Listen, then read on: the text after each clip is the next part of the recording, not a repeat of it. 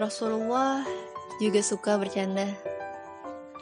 Sadar gak sih, banyak banget sekarang orang-orang yang suka bercanda. Ada yang bilang, dengan bercanda, kita akan tampak lebih akrab, serta terkesan lapang dada dan baik hati. Tapi, kebanyakan dari manusia suka bercanda dengan mengatakan hal yang batil dan berbohong dalam candaannya. Ada unsur menghinanya, dan bahkan ada unsur mempermainkan non bicaranya.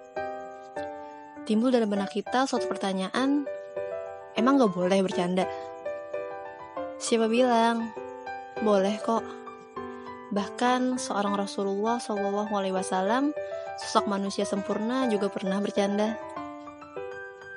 Atau pernah berkata, sesungguhnya seseorang bertanya kepada Ibnu Abbas, apakah Rasulullah melakukan senda gurau?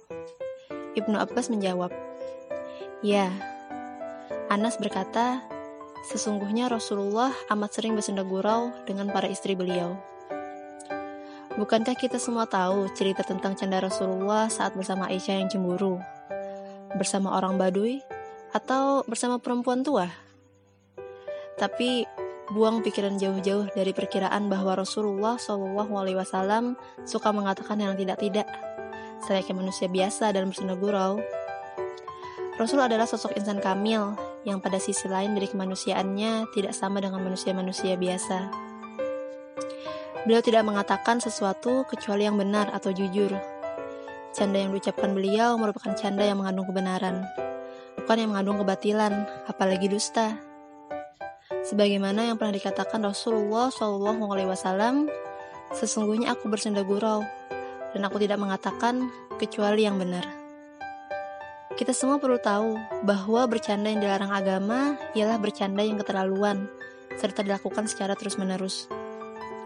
Sebab bercanda akan menimbulkan banyak tertawa, dan banyak tertawa akan dapat mematikan hati, menimbulkan kedengkian, dan menjatuhkan kehormatan serta kewibawaan.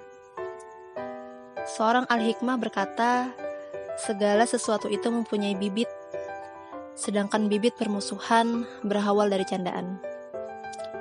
Juga dikatakan, suka bercanda dengan berlebihan bisa memutuskan teman dekat.